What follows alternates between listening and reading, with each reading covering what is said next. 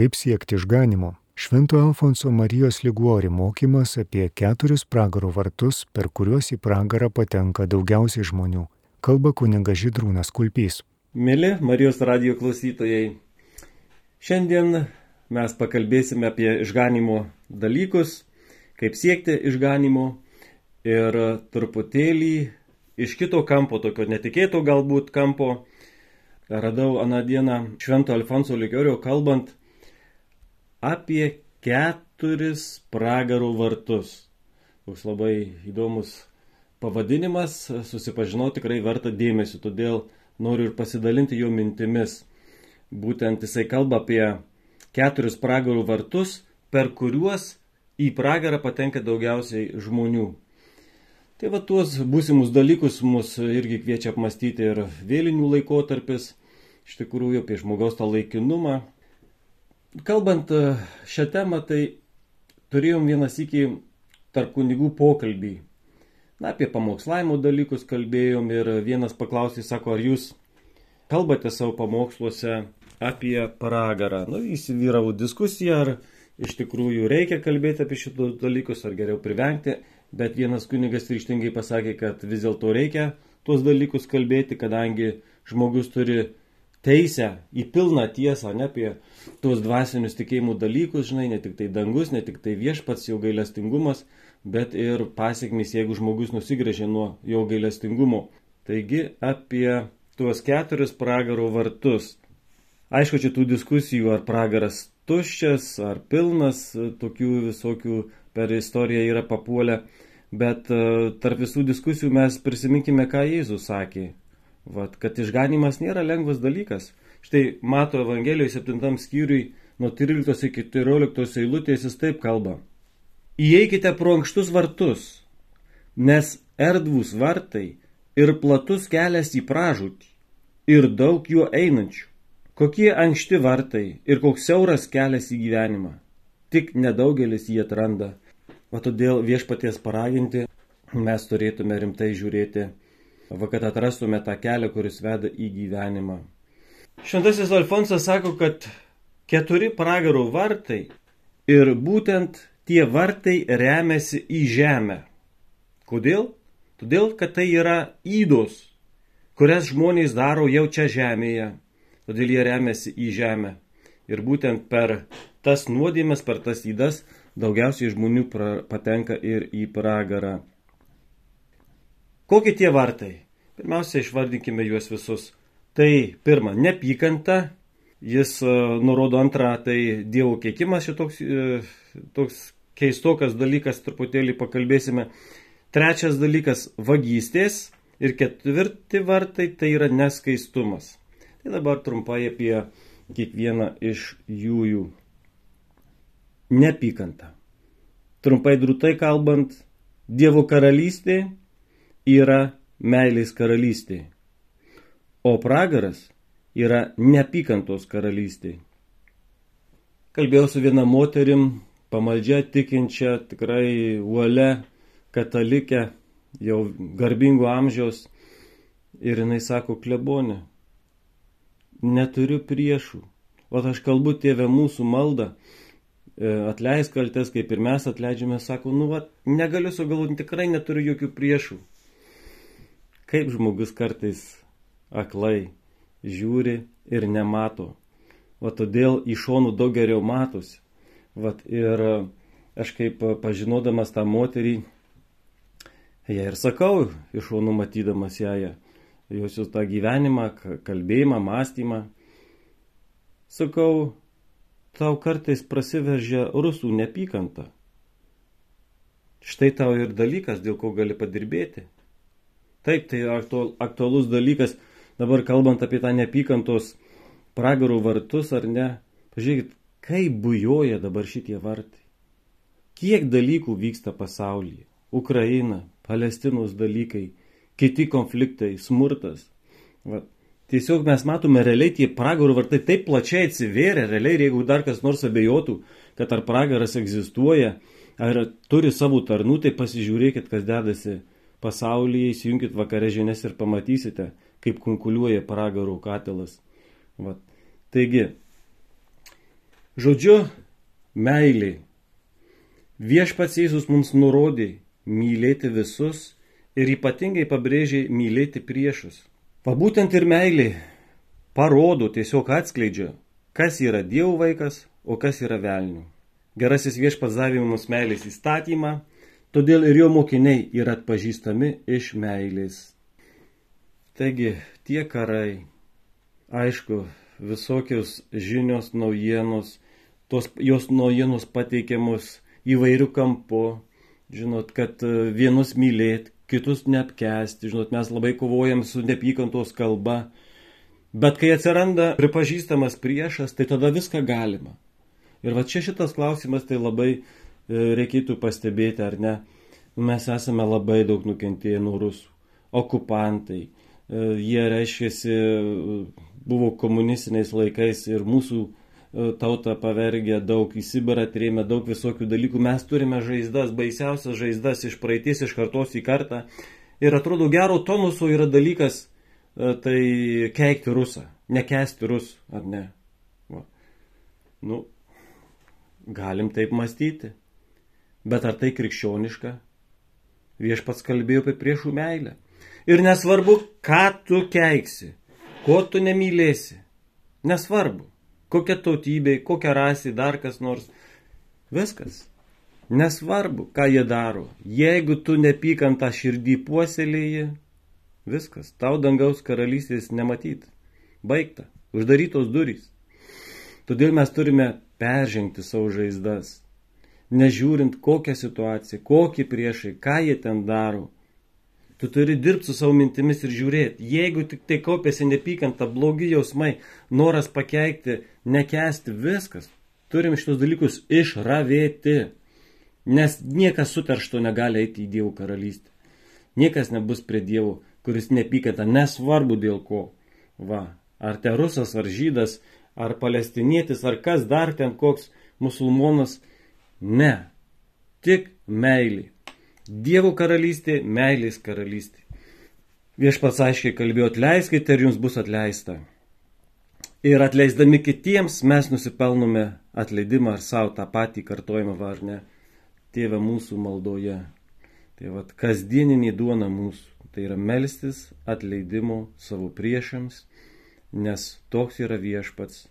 Nes iš tikrųjų mes esame Dievo priešai, darydami nuodėmę, mes išduodame viešpatį, ar ne, nusikalstame jam, bet jis vis tiek mus myli, mums atleidžia, kada mes jo paprašome.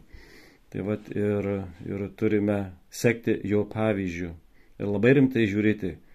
Ir labai nesmagu, kai mums per televiziją, per radiją duoda suprasti, kad mes turim kažko nekesti ar ne. Ne, ne, Mes turime Evangelijos klausyti, ne propagandos, ne televizijos, ne radijos, bet visus mylėti. Tokia yra viešpaties nurodytų kelio eiga. Kas siekia keršto, lai atsisveikina su rojumi. Mes privalome palikti teismą Dievui. Jis yra vienintelis teisėjas. Ir savo kvailais teismais netimkime iš Dievo jo teisų. Yra labai įžūlu šitaip elgtis. Dievo teismas, tik jo. Jis yra teisingas teisėjas ir kiekvienam atmokės teisingai, pagal jo darbus, šito tai nebijokime. Todėl drąsiai mes, kai viešpas įpareigoju, mylėkim, o teismą jam palikim, viską mato, viską įvertins, paskutiniam teisme viskas bus išlyginta. Tai va, turime žiūrėti, kad neprasilenktume su meilė. Taigi iš meilės Dievui mes atleidžiame visas kreudas, kad ir Dievas atleistų visus mūsų Dievui padarytus įžeidimus. Taigi pirmi tie pragaro vartai yra nepykanta, ar ne Dievas saugok nuo šitų dalykų, kad apvalytume širdį ir būtų meilė, o nebūtų ten kokio pykčio ar net leidimo, net kentimo. Toliau Šventasis Alfonsas e, kalba apie antruosius pragarų vartus, tai yra Dievo keikimas. Na, jisai italas, tai e, čia matyt, toj tautų yra tos problemos. Va, to išsirty pas mus, ačiū Dievui, nėra šitos įdos, nėra tokia dažna. Va, tai iš tikrųjų mes toliau ir ne, nekalbėsim apie tai, neplatinsime tų blogų įdų. Ir tada eikime prie trečių vartų, Tai yra vagystės. Taigi, kai kurie žmonės garbina pinigą kaip savo dievą. Bet šventi raštai kalba, kad vagys nepaveldės Dievo karalystės. Kas tos yra vagystės, ar net? Daug nesigilinsim trumpai pasakyti, žinai, kas ne mano, neimam. Nes jeigu paimam ne savo daiktą, jau yra vagystė. Ten didelis, mažus, nesinagrinėsim, bet tiesiog tai yra tai, kas vag, yra vagystė, ne savo daiktų įmimas. Dabar reikėtų pasakyti, vagystės nėra didžiausios nuodėmės, bet jos labai rimtai stato mūsų išganimą į pavojų. Labai rimta problema gali tapti. O su tom vagystėm vienas labai svarbus dalykas, labai rimta problema yra būtinybė sugražinti, ką pavogiai. Būtent restitucija, dėl teisingumo viską atstatyti. Čia šitas laikas labai labai svarbus. Štai kitų nuodėmių atleidimui užtenka atgailos, o vagystėj atgailos neužtenka. Reikia atitaisimų, gražinimų, o tai dėja yra labai labai sunku padaryti. Pasaulyje iš tikrųjų daug vagysčių, o kiek matome restitucijų Atitaisimų niekas nesirūpina, vad ir čia prasideda problema. Jeigu žmogus to nepadarys, jau jo išganimas statomas į pavojų. Jei kas turėtų tokią nelaimę ir pavoktų, ką nors paimtų ne savo, tai privalu tuoj pat gražinti. Ir tuo pačiu reiktų pasakyti, šventasis Alfonsas kalba, kad vokti daiktai, kuriuos parsinešam į namus, užtraukia prakeiksmą vagių namams. Svetimi daiktai yra kaip ugnis, kuri naikina visą, kas jos kelyje. Todėl reikia kuo greičiau atsikratyti, kad neužtrauktų nelaimį mums ir mūsų šeimoms, mūsų namams, vad nelaikyti voktų daiktų restitucija, gražinimas, resklamatą dominum. Tai va, daiktas šaukėsi savo šeimininkų. Reikėtų pasakyti, kad mes irgi negalim būti bendradarbiais vagysčių, net jeigu ir patys nedalyvaujam tame veiksme, bet neturime toleruoti kitų savo šeimos narių vagysčių. Negalime nei tyliai pritarti šitos dalykus, iš karto nukirsti tuos dalykus, sukritikuoti, pareikalauti, kad gražinti, nesinaudoti tais daiktais absoliučiai. Turime kovoti su kitų savo artimųjų šeimų nariais, kad jie tuos dalykus nedarytų tuo būdu nestatytų ir savo išganimų pavojų. Na ir taip ir artimų meilė netinka, čia ir ką diskutuoti, tiesiog mes negalim toleruoti vagysčių iš savo artimų tarpų. Taigi privalom tobulai atsilyginti, nors tai ir sunku, kad tai netaptų mūsų pražūties priežastimi, tai va tą dalyką ir atsiminkime. Vagystėj neužtenka atgailos, ja, būtent atleidimui gauti reikia būtent atlyginti žalą, sugražinti daiktus, arba jeigu negali žmogų, iš kurio paimiai, ten ar įstaigai gražinti, tai tada privaloma padaryti kokį gerą darbą pagal tą sumą, kiek buvo pavokta, ubagą sušelbti ar šiaip kokį gerą darbą, tai va, turi būti dėl teisingumas šioje srityje e, užlaikytas. Vat, kartais mes tikrai pamirštam šito restitucijos klausimą, tai, vat, tai yra susijęs su vagystės dalyku. Tai, vat, šito negalima pamiršti. E, toliau eikime prie ketvirtų vartų, tai yra neskaistumas. Šventasis Alfonsas Likioris sako, kad per šią įdą daugiausiai žmonių patenka į pragarą. Ir tai nėra mažas dalykas. Tai mirtina nuodėmė. O sako, mes niekam nepakenkėm, dviese sutarėm, nieks nieks prievartos nedaro, Ne, ne, čia yra labai rimti dalykai. Šventas Dievo įsakymas labai aiškiai kalba apie tai. Na, kiti sako, Dievas gailestingas, maloningas, jisai su gailėšiu žiūri į vargšą nusidėlį. Nu tai taip, taip, viešpats yra gailestingas. Bet, atot, mes labai kalbam apie tuos gailestingumus gerųjų viešpaties mums, bet mums reikia pilno vaizdo, pilnos evangelijos, o ne tik tai dalinis va, kad per tą gailestingumą žmogus nepražūtų. Va, reikia ir Dievo teisingumą prisiminti. Taip, Dievas gailestingas, bet Kam Dievas gailestingas, reikia šito nepamiršti niekad. Jis parodo gailestingumą tiems, kurie gailisi, kurie daro atgailą. Savaime dalykas toks nevyksta tie dalykai, ar ne? Žiūrėkit, muitininkas meldžiasi šventyklui, mušasi į krūtinę, ar ne?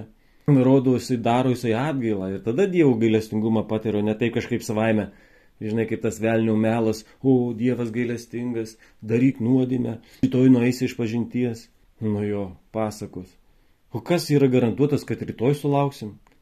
Taigi, vat, mes negalim pasiduoti šitam velnių melui, kad Dievas gailestingas ir, ir darytume nuodėmę be, be sąžinės graužačių.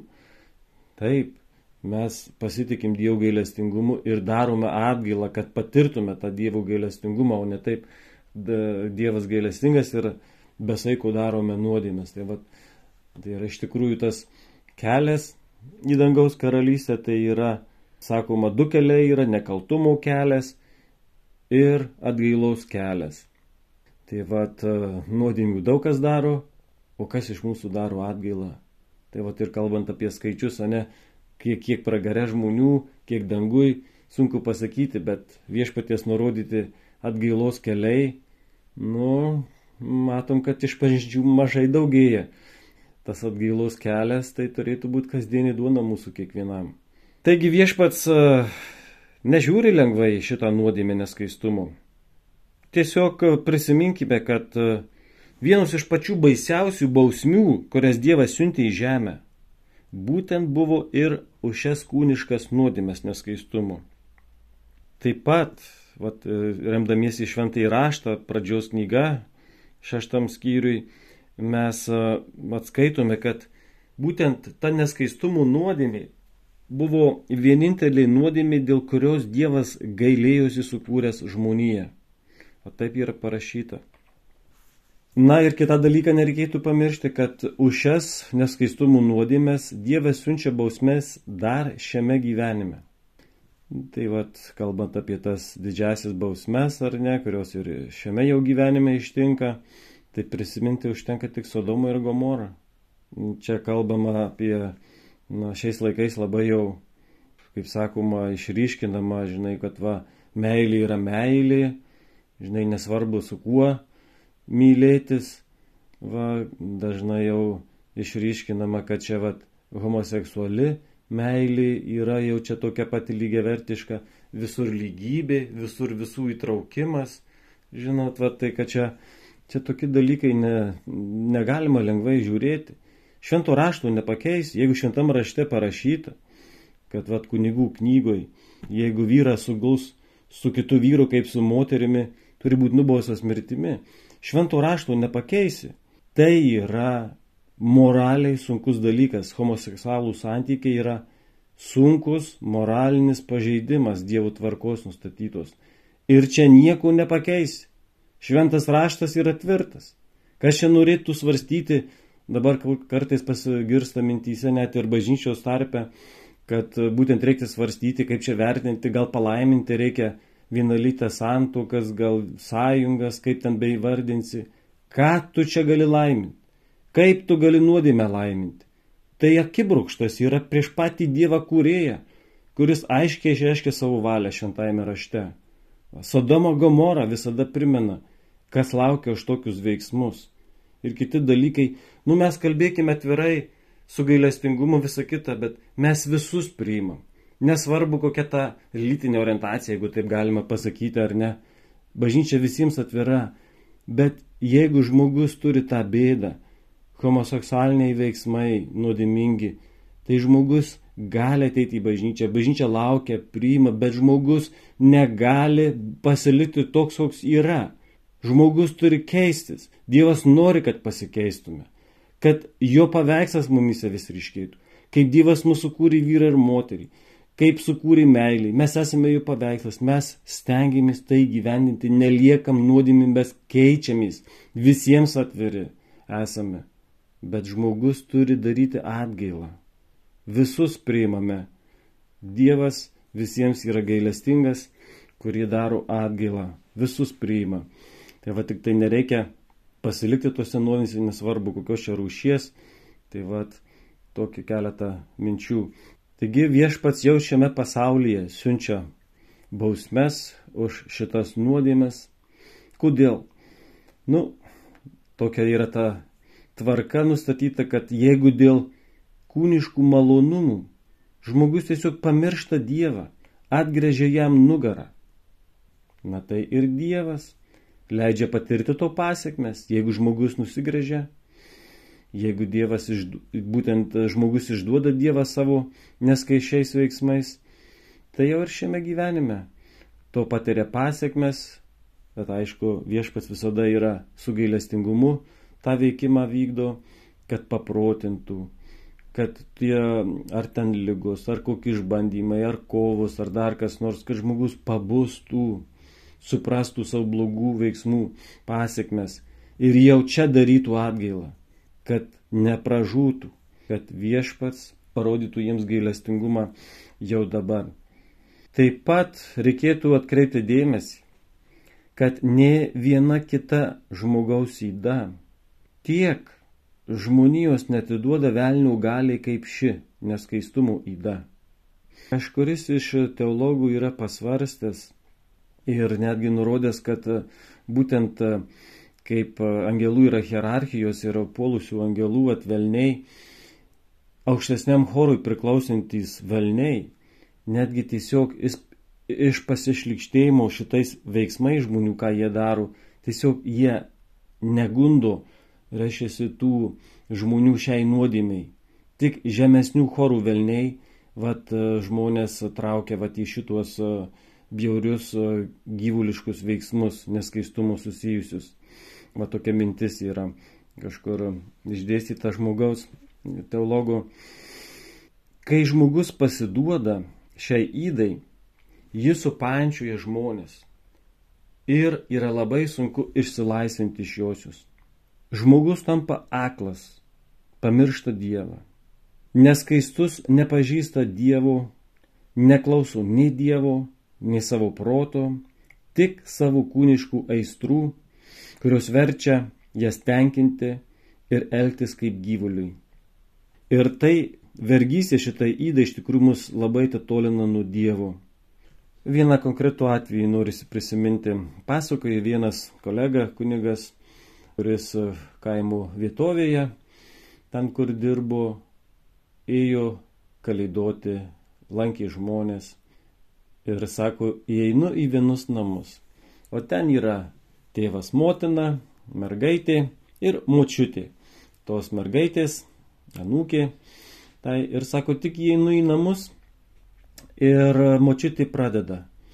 Oi, kokie dabar kunigai, kaip jie gali taip elgtis, va sako anūkė, buvo iš pažinties, tai kunigas kažką pasakė, tai sakė, išbėgo iš bažnyčios, daugiau niekada neįsiu, neįsiu tą bažnyčią. Ir sako, jinai vis kalba ir kalba tą patį suka ar suka, kokie tie kunigai blogai, kaip tą mergaitę užgavote, ką žinai, va per išpažinį nejautriai kažką ten pasirodė. Sako, klausiau, klausiau, klausiau, klausiau, nusibodu. Ir sako, neiškentęs ir pasakiau. O aš žinau vieną dalyką kai mergelį sugula su berneliu, tai tada nei išpažinties reikia, nei bažnyčios reikia ir panašių dalykų. Sako, aš tik tą pasakiau, žiūrau, mergaitė išraudo visą, kai barštis tapo, net pati mučiutė pasižiūrės vaikelį, kas tavo atsitiko. Tai va čia ir yra atsakymas, kaip neskaistumo nuodėmis mus nutolina nuo Dievo. Mums dabar Kai žmogus įpuola šitą nuodėmę, nieko nereikia. Moralinė pažanga sustoja. Vien tik aistros, tenkinti aistras. Žmogus taip pasikeičia, taip nutolst. Ir tiesiog iš tikrųjų, vat, kaip sako šventasis, vat, aistras tenkindamas tiesiog elgesi kaip gyvulys. Vat, tai, tai yra labai didelė problema, didelis sukausimas, didelė vergystė. Ir pavyzdžiui, tai kad mes iš tikrųjų labai tos aplinkybės labai yra sudėtingos, nes žmogui labai lengva įkristi į šitas nuodėmes, pornografijos ryštį. Tiesiog holivudinis filmai. Žiūra į tuos filmus ir nei vieno, galima sakyti, nežinau, nei vieno beveik nėra, kur nebus kokių sekso scenų ir dar kartus atrodo ne į temą visai tie dalykai, nu bet vis tiek turi įkišti. Tai yra kaip bombardavimas mūsų, mūsų visų į tą aistrą, į tą įdą. Žinot, vat, kad kai, kodėl, todėl, kad reiškia, jeigu pavergia žmogų, tai jisai nuo to uh, dievo, nuo moralės nutolsta, va, todėl ir tai yra tikrai šeitonų karalystės labai stiprus ginklas mus pražudyti, atitolinti nuo dievo, į tą gyvulišką aspektą įtraukti mus. Tai, tai yra labai didelis iššūkis ir internetai, ir, ir, ir mobilių telefonų naudojimas, ir nuo pat kūdikystės amžiaus. Tai vat vaikai gali tikrai labai lengvai pasiekti ir, ir tai jau yra baisi problema. Tai vienas, vienas toks radikalus katalikas televizorių įvardino kaip velnio tabernakulis. Sako, namuose laikomas velnio tabernakulis, nes ten iš tikrųjų tie labai daug per tai mus pasiekia blogio per mūsų akis ir ausis, ką mes matome iš šiandieninių pasaulių. Todėl ne viskas yra blogai, bet tiesiog yra daug pavojų. Va, tai su ta televizija, internetu, tai reikia labai labai atsakingai elgtis ir neskubėti vaikam nei du telefonų duoti ir nieko, kad į tuos brangės sielas nekaltas neįeitų šitie nuodai neskaistumo. Ir reiktų pasakyti, kad iš tikrųjų tas prisirišimas, ta įda neskaistumu, tai tęsiasi iki pat mirties, net ir seniai panašiai mastau. Va tai labai svarbu yra su Dievo malonė išsivaduoti šitų dalykų. Taip pat neskaistumų nuodėmės yra susijęs su kitomis nuodėmės, jos veda į kitas nuodėmės, pavyzdžiui, šventvagiška išpažintis ar komunija dėl gėdos, kad e, baimės e, išpažinti, va, todėl ir, ir va, viena nuodėmė veja kitą. Tai vad matome, kuomet didelis pavojus. Dabar vaistai ar ne, tai e, kontroliuoti akis, ausis, riboti, vengti progų, pasivesti Jėzui ir Marijai. Kaip pajuntame, kaip puola mus tos pagundos neskaistumų, šauktis viešpaties Jėzaus, kartoti Jėzaus Marijos vardus, kurie būtent šie šventieji vardai verčia demonus bėgti Pamaldumas Marijai, skaistumų karalieniai yra ypatingai svarbus, yra sena tradicija graži. Ryte tik pabudus, sveika Marija tris kartus, skaistumo intencija ir baigiant dieną lovoje, kaip sakant, einant miegoti, taip pat tris kartus sveika įrėminti visą dieną, pasivedant Marijai, skaistumų karalieniai už šitą intenciją. Taigi, brangiai, turime atsiversti jau dabar, nes nežinia, ar kada nors iš vis turėsime progą. Dievas duoda rytą, bet jis nežada vakaro, arba sulaukus vakaro nėra pažado, kad sulauksime ryto. Todėl dabar turime dirbti dėl savo išganimų. Nesvarbu, kaip žmonės elgesi, ką masto, kaip gyvena, mus, mums, kiekvienam asmeniškai svarbiausia daryti tai, kas užtikrintų mūsų dangaus karalystėn patekimą ir išvengtume pragarų. Tai dešimt mergaičių, ar ne, kurios laukia su vestuvių jaunikio, skaitome Evangelijoje, ir ne penkios buvo protingos, penkios paikos. Tai turime rimtai pasižiūrėti panašiai, kad būtent kaip ruoštis, vat, kai tos mergaitės, kurios buvo nepasiruošę, prašė alyvos iš kitų, o tos uh, turinčios alyvos atsisakė duoti tos alyvos. Kodėl? Todėl, kad tai, ko mums reikia, kad mes pasiektume išganimą, į amžinasis dangaus vestuves, mums reikia patiems pasirūpinti. Negalime pasiskolinti. Todėl, brangieji, broli sesė, daryk atgailą. Gerą išpažinti, naudok visas priemonės, dvasinės, moralinės, e, sakramentų malonės, kad liktum geram kelyje, kad atremtume šitonų puolimus, kad neįpultume į tuos keturis pragaro vartus, bet eitume išganimų keliu viešpats, kuris mus kviečia, kuris sumokėjo kainą ant kryžiaus, su jo malone, pakankama malone, pasieksime dangaus karalystę. Tai laimina viešpats. Ačiū Jums, garbėzui Kristui. Kaip siekti išganimo? Šventojo Alfonso Marijos Ligorių mokymas apie keturis pragaro vartus, per kuriuos į pragarą patenka daugiausiai žmonių, kalbėjo kunigas Žydrūnas Kulpys.